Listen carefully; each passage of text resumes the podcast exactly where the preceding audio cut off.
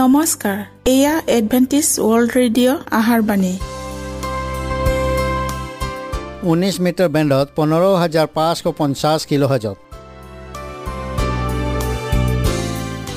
Adventist World radio যোগে অসমীয়া ভাষাত প্ৰচাৰিত আহাৰবাণী প্ৰত্যেক বুধবাৰ আৰু দেওবাৰ সন্ধিয়া সাত বজাত আহাৰবাণী শুনাৰ পিছত আপোনালোকৰ কিবা মন্তব্য আৰু প্ৰশ্ন থাকিলে আমালৈ এই ঠিকনাত লিখক। আমাৰ ঠিকনাটি হৈছে Adventist world radio' seven day Adventist মণ্ডলী অসম শাখা লতাকাটা বশিষ্ট গুৱাহাটী সাত আঠ এক শূন্য দুই ন।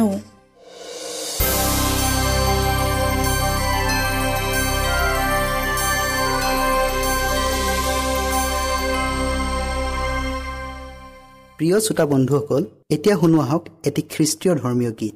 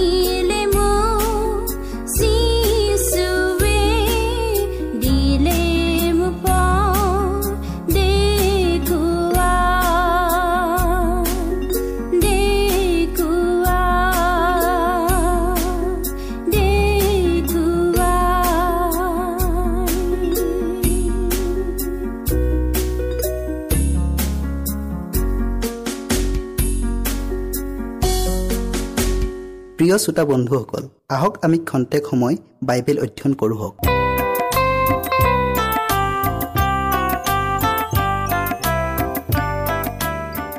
প্ৰিয় শ্ৰোতাসকল আজি আমি ধনৰ বিষয়ে অধ্যয়ন কৰোঁ হওক। শাস্ত্ৰ পদ আপোনালোকে পঢ়ক জাকুব পাঁচ অধ্যায়ৰ এগৰ পৰা চাৰি পদলৈকে। অধ্যয়ন কৰাৰ আগতে আমি প্ৰাৰ্থনা কৰোঁ হওক।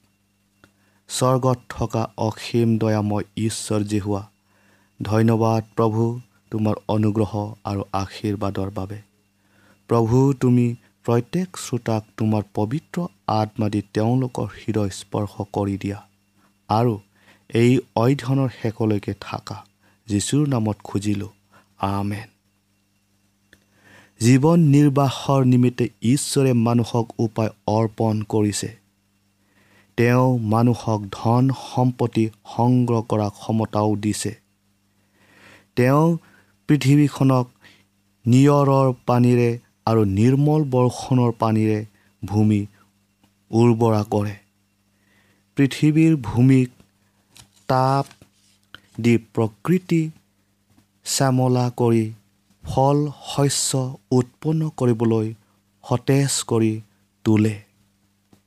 আৰু বাৰীৰ উৎপন্ন ফল হওক বা পথাৰৰ শস্য হওক ঈশ্বৰে তেওঁৰ পাবলগীয়া ভাগখিনি বিচাৰে। নিজৰ মান সন্মান আৰু গৌৰৱৰ প্ৰশংসাৰ কাৰণে আমাক ধন দিয়া নাই। বিশ্বাসী ঘৰগিৰি হিচাপে আমি ইয়াক ঈশ্বৰৰ সন্মান আৰু গৌৰৱৰ উদ্দেশ্যেহে ব্যৱহাৰ কৰিব লাগে। কিছুমানে ভাবে তেওঁলোকৰ মুঠ উপাৰ্জনৰ অতি সামান্য অংশহে ঈশ্বৰৰ। আন কিছুমানে ধৰ্মীয় আৰু জনহিতকৰৰ কামৰ বাবে মুঠ উপাৰ্জনৰ এক অংশ পৃথক কৰি বাকীখিনি নিজৰ মতে ব্যয় কৰিবলৈ থয়। এইখিনিতে তেওঁলোকে ভুল কৰে। আমাৰ যি আছে অৰ্থাৎ আমাৰ সৰ্বস্ব ঈশ্বৰৰ আৰু তেওঁ দিয়া ধন সম্পত্তি আমি কেনেদৰে ব্যৱহাৰ কৰিছোঁ এই সকলোৰ হিচাপ দিব লাগিব।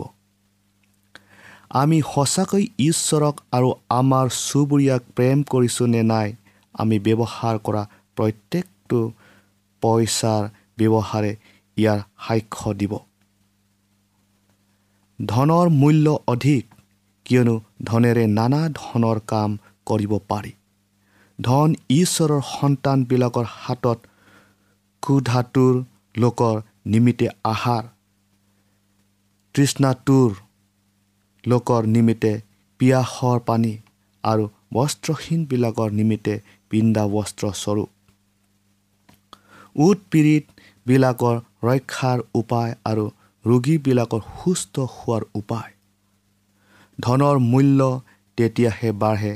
যেতিয়া প্ৰয়োজন সাপেক্ষে ব্যৱহাৰ কৰা হয় আনৰ হিতৰ কাৰণে আৰু কৃষ্টৰ ৰাজ্যৰ বৃদ্ধিৰ কাৰণে। অনৰ্থক সঞ্চিত ধন সম্পত্তি কেৱল প্ৰয়োজনহীনেই নহয় ই অভিশাপস্বৰূপ স্বৰ্গীয় ধন সম্পত্তিৰ প্ৰতি থকা হাবিয়া নোহোৱা কৰি লৈ ইহজগতে পাৰ্থিৱ ধন সম্পত্তিৰ প্ৰতি লোভ দেখুৱাই আত্মাৰ ফানস্বৰূপ কৰে। ঈশ্বৰৰ সেই মহাদিনত এইবোৰ অব্যৱহৃত ধন সম্পত্তি উচিত ব্যৱহাৰ কৰা নহ'ল সেয়ে সঞ্চয়কাৰীৰ বিৰুদ্ধে সাক্ষ্য দিব। শাস্ত্ৰত কৈছে এতিয়াহে হে ধনী লোকসকল মোৰ কথালৈ কাণ দিয়া। তোমালোকলৈ যিবোৰ দুৰ্দশা আহিব লাগিছে তাৰ কাৰণে ক্ৰদন আৰু বিলাপ কৰা। তোমালোকৰ ধন সম্পত্তি গেলি ফচি গৈছে আৰু তোমালোকৰ কাপোৰ কানি পোকে খাইছে। তোমালোকৰ সোণ ৰূপত মামৰ ধৰিলে সেইবোৰৰ মামৰে তোমালোকৰ বিপক্ষে সাক্ষ্য দিব আৰু জুইৰ দৰে তোমালোকৰ মংহকে খাব। তোমালোকে এই শেষ কালতহে ধন সাঁচিলা তোমালোকৰ পথাৰৰ কাম কৰা বনোৱাবোৰক প্ৰবঞ্চনা কৰি তেওঁলোকৰ কামৰ বেচ দিয়া নাই। তেওঁলোকৰ ওজৰ আপত্তিবোৰলৈ কাণ দিয়া। সেই শস্য দোৱাবিলাকৰ আৰ্তনাদ সৰ্বশক্তিমান প্ৰভু ঈশ্বৰৰ কাণত পৰিছে।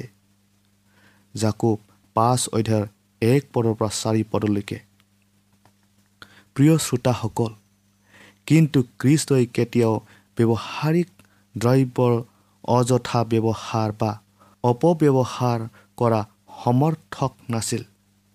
তেওঁ মিত্ৰায়ী হোৱাৰ শিক্ষা এইদৰে দিছিল।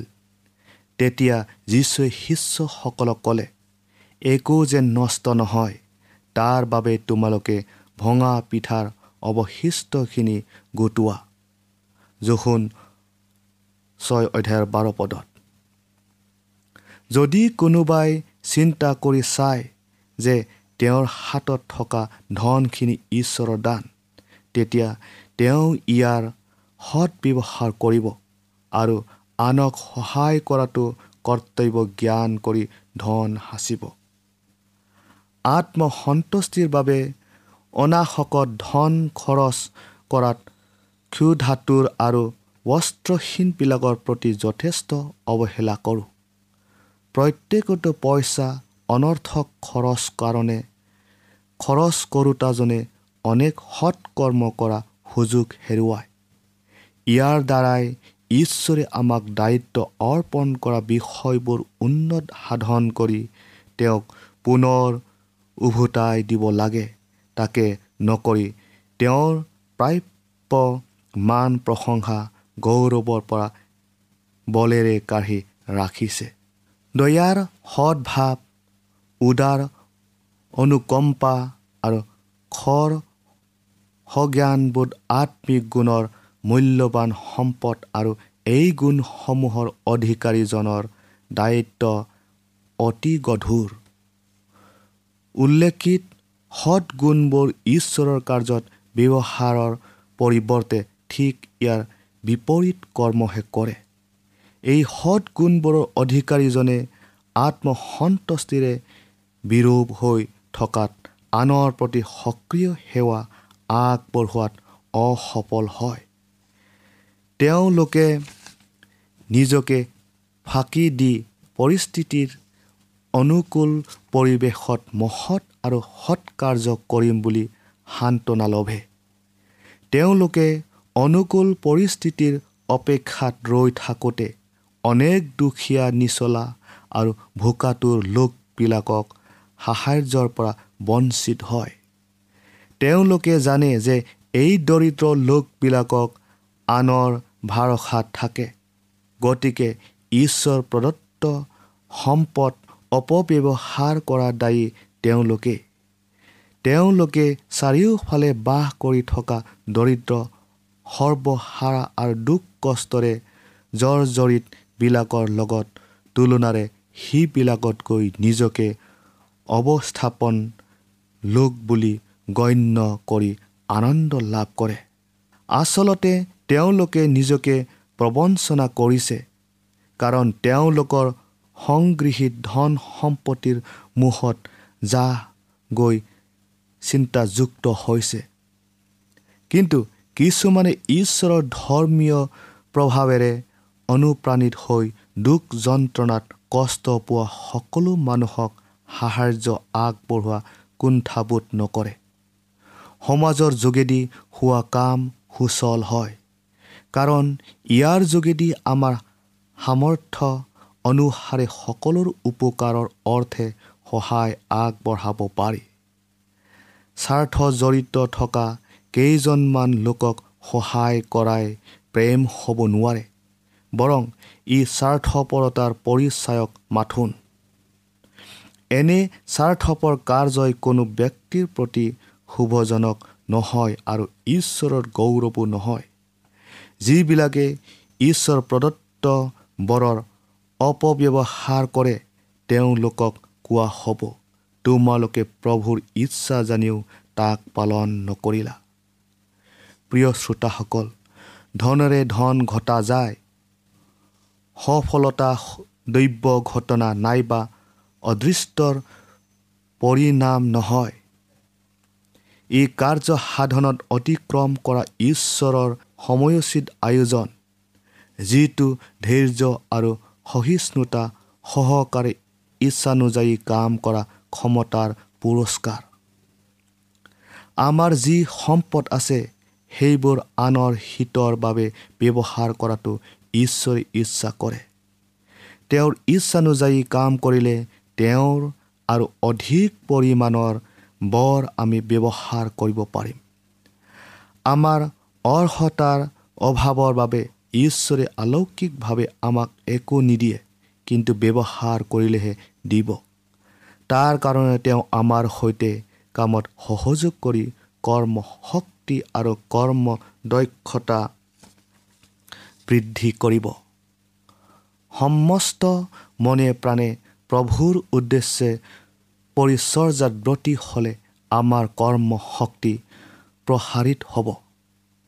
যেতিয়াই নিজকে নত কৰি পবিত্ৰ আত্মাৰ অস্ত্ৰস্বৰূপে ব্যৱহৃত হ'বলৈ নিজকে সোধাই দিওঁ তেতিয়াই ঈশ্বৰৰ অনুগ্ৰহে আমাৰ পুৰণি স্বভাৱবোৰৰ ওপৰত জয়যুক্ত হ'বলৈ আৰু নতুন অভ্যাস গঠনত মহাশক্তি যোগায়।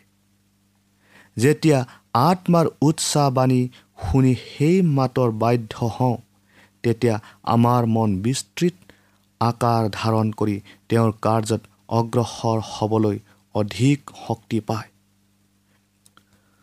সুপ্ত শক্তি জাগৃত হয় আৰু অৱসৰ হৈ পৰা কৰ্ম শক্তিয়ে নতুন জীৱন লাভ কৰে। যিজন নম্ৰ লোক ঈশ্বৰৰ আহ্বান শুনি বিনীত হৈ সঁহাৰি জনালে তেওঁ নিশ্চয় স্বৰ্গীয় শক্তি পাব। সৎগুণৰ লোকেহে ইমান মহান আৰু পবিত্ৰ দায়িত্ব গ্ৰহণ কৰিব পাৰে। কাৰণ এই আহ্বান কাৰ্যকৰী হ'বলৈ অতি সুস্থ মানসিক প্ৰস্তুতি আৰু আত্মিক শক্তিৰ প্ৰয়োজন। এজন দুৰ্বল ব্যক্তি তেওঁ বিশ্বাসেৰে ঈশ্বৰৰ শক্তিত নিৰ্ভৰ কৰি কিমান উৎসাহ উদ্যমেৰে তেওঁৰ কাৰ্যত আত্মনিয়োগ কৰি ফল উৎপন্ন কৰে ই আচৰিত কথা। ইয়াৰ উপৰিও তেওঁৰ ক্ষুদ্ৰ জ্ঞানেৰে যিখিনি ক'ব পাৰে তাকে কয় আৰু কোৱা কথাবোৰত ঈশ্বৰৰ আশীৰ্বাদ আৰু শক্তি থাকে। এনে লোকবিলাকে যিমানেই প্ৰভুৰ পোহৰ আনৰ আগত বিলাব খোজে সিমানেই পোহৰ বিলাবৰ শক্তি পাব। যিমান সৰলভাৱে ঈশ্বৰৰ বাক্য আনৰ আগত ক'ব সেইজনক তেওঁ তেনেকৈ আশীৰ্বাদ কৰিব। ঈশ্বৰৰ কাৰ্যৰ অৰ্থে আমাৰ জ্ঞান আৰু শক্তিক যিমানে সঞ্চালন কৰিম সিমানেই জ্ঞান আৰু শক্তি তেওঁৰ পৰা আহৰণ কৰিম। কৃষ্টৰ অৰ্থে ব্যৱহৃত সকলো উদ্যমত তেওঁ আশীৰ্বাদেৰে প্ৰতিক্ৰিয়া ব্যক্ত কৰিব। আনক কৃষ্টলৈ অনাৰ দায়িত্ব আৰু প্ৰাৰ্থনাৰ উত্তৰত আমাৰ অন্তৰ আত্মা পুলকিত হ'ব। আমাৰ ঈশ্বৰীয় জীৱন অতি বাস্তৱ অতি মধুৰ আৰু প্ৰাৰ্থনাশীল হ'ব। স্বৰ্গৰ তোলাচনীৰে মানুহৰ মূল্যাংকন কৰা হয়। ঈশ্বৰৰ পৰা পোৱা জ্ঞানেই সকলো শক্তিৰ উৎস। ঈশ্বৰে মানুহ সৃষ্টি কৰা উদ্দেশ্য হ'ল মানুহ ঐশ্বৰিক জ্ঞানেৰে ভৰপূৰ হৈ তেওঁৰ সৈতে নিবিড় সম্বন্ধ ৰাখে। সেই একেদৰে তেওঁ আমাক কৃষ্টৰ সৈতে সহযোগ কৰা অধিকাৰ প্ৰদান কৰিলে যাতে জগতলৈ কৰা প্ৰেম আৰু অনুগ্ৰহ প্ৰকাশ কৰিব পাৰোঁ। কৃষ্টলৈ দৃষ্টি কৰিলে আমি ঈশ্বৰৰ উজ্জ্বল আৰু স্পষ্ট ৰূপ দেখিবলৈ পাওঁ আৰু তাকে চাই চাই আমাৰো ৰূপ সলনি হৈ যায়। আন মানুহৰ প্ৰতি মংগল ভাৱ আৰু প্ৰেম এইবোৰ আমাৰ প্ৰাকৃতিক প্ৰবৃত্তি। ইয়াৰ দ্বাৰাই আমি ঐশ্বৰিক গুণৰ বিকাশ ঘটাব পাৰোঁ। আমি যিমানেই স্বৰ্গীয় বিশ্ব জগতৰ লগত সহভাগিতা ৰাখোঁ সিমানেই অনন্ত জীৱনৰ জ্ঞানত বৃদ্ধি পাম। প্ৰিয় শ্ৰোতাসকল আজিলৈ ইমানে। ইয়াৰ বাকী অংশ পৰৱৰ্তী অনুষ্ঠানৰ আপোনালোকে শুনিবলৈ পাব। আশা কৰোঁ আপোনালোকে এই অনুষ্ঠান শুনিবলৈ নেপাহৰিব বুলি। ঈশ্বৰে আপোনালোকক আশীৰ্বাদ কৰক।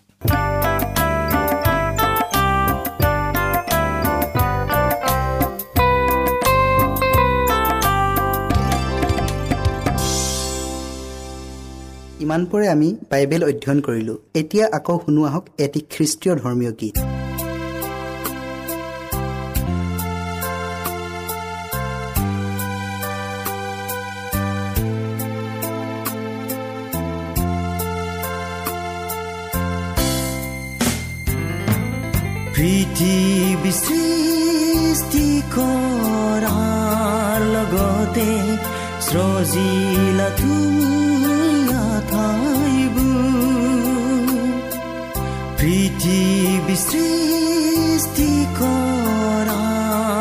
লগতে সজিলা তুমি আঠাইবোৰ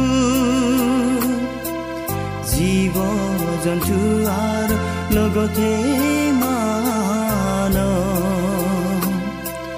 জীৱ জন্তু আৰু লগতে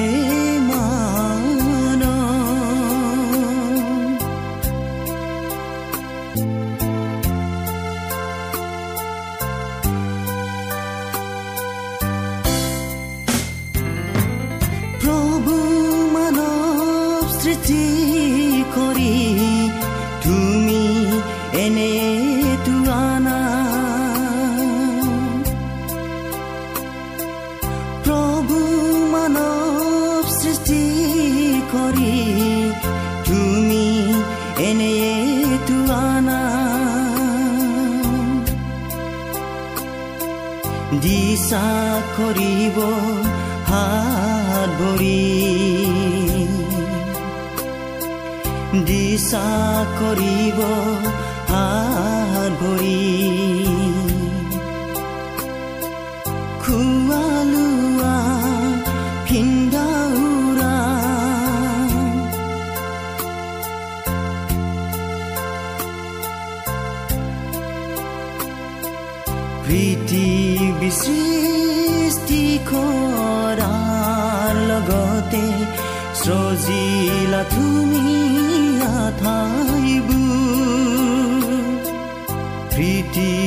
সৃষ্টি কৰাৰ লগতে সজিলা তুমি আঠাইবোৰ। জীৱ জন্তু আৰু লগতে মান জীৱ জন্তু আৰু লগতে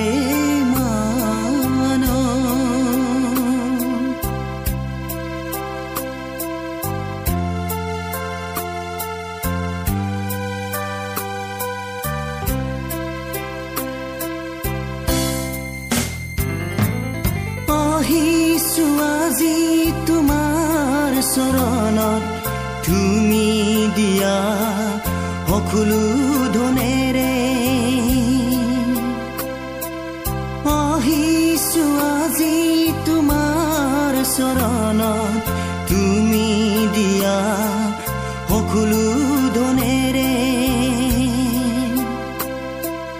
লগতে আমাৰ দিয়া খুলিদ লগতে আমাৰ দিয়া খুলিদ লোৱা তুমি আজি আমাৰ।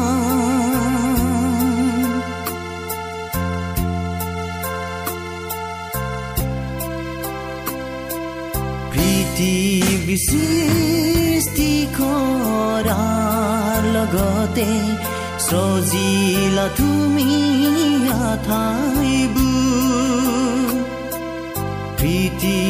সৃষ্টি কৰাৰ লগতে সজিলা তুমি আঠাইবোৰ জীৱ জন্তু আৰু লগতে মান জীৱ জন্তু আৰু লগতে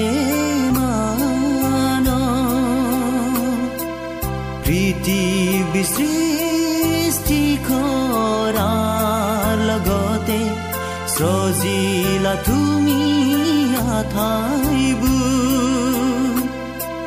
জীৱ জন্তু আৰু লগতে মান জীৱ জন্তু আৰু লগতে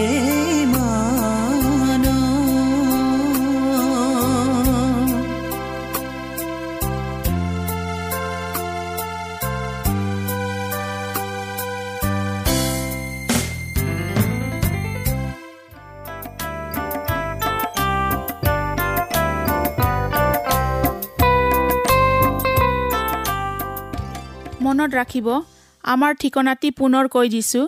Adventist world radio' Assam region of seven day Adventist voice of hope Latakata Basistha Guwahati seven eight one zero' two nine প্ৰিয় শ্ৰোতা বন্ধুসকল এডভেণ্টিজ ৱৰ্ল্ড ৰেডিঅ' যোগে আহাৰবাণী প্ৰচাৰত আপোনালোকক পুনৰ লগ পোৱাৰ আহাৰে আজিলৈ সামৰিলোঁ। ধন্যবাদ।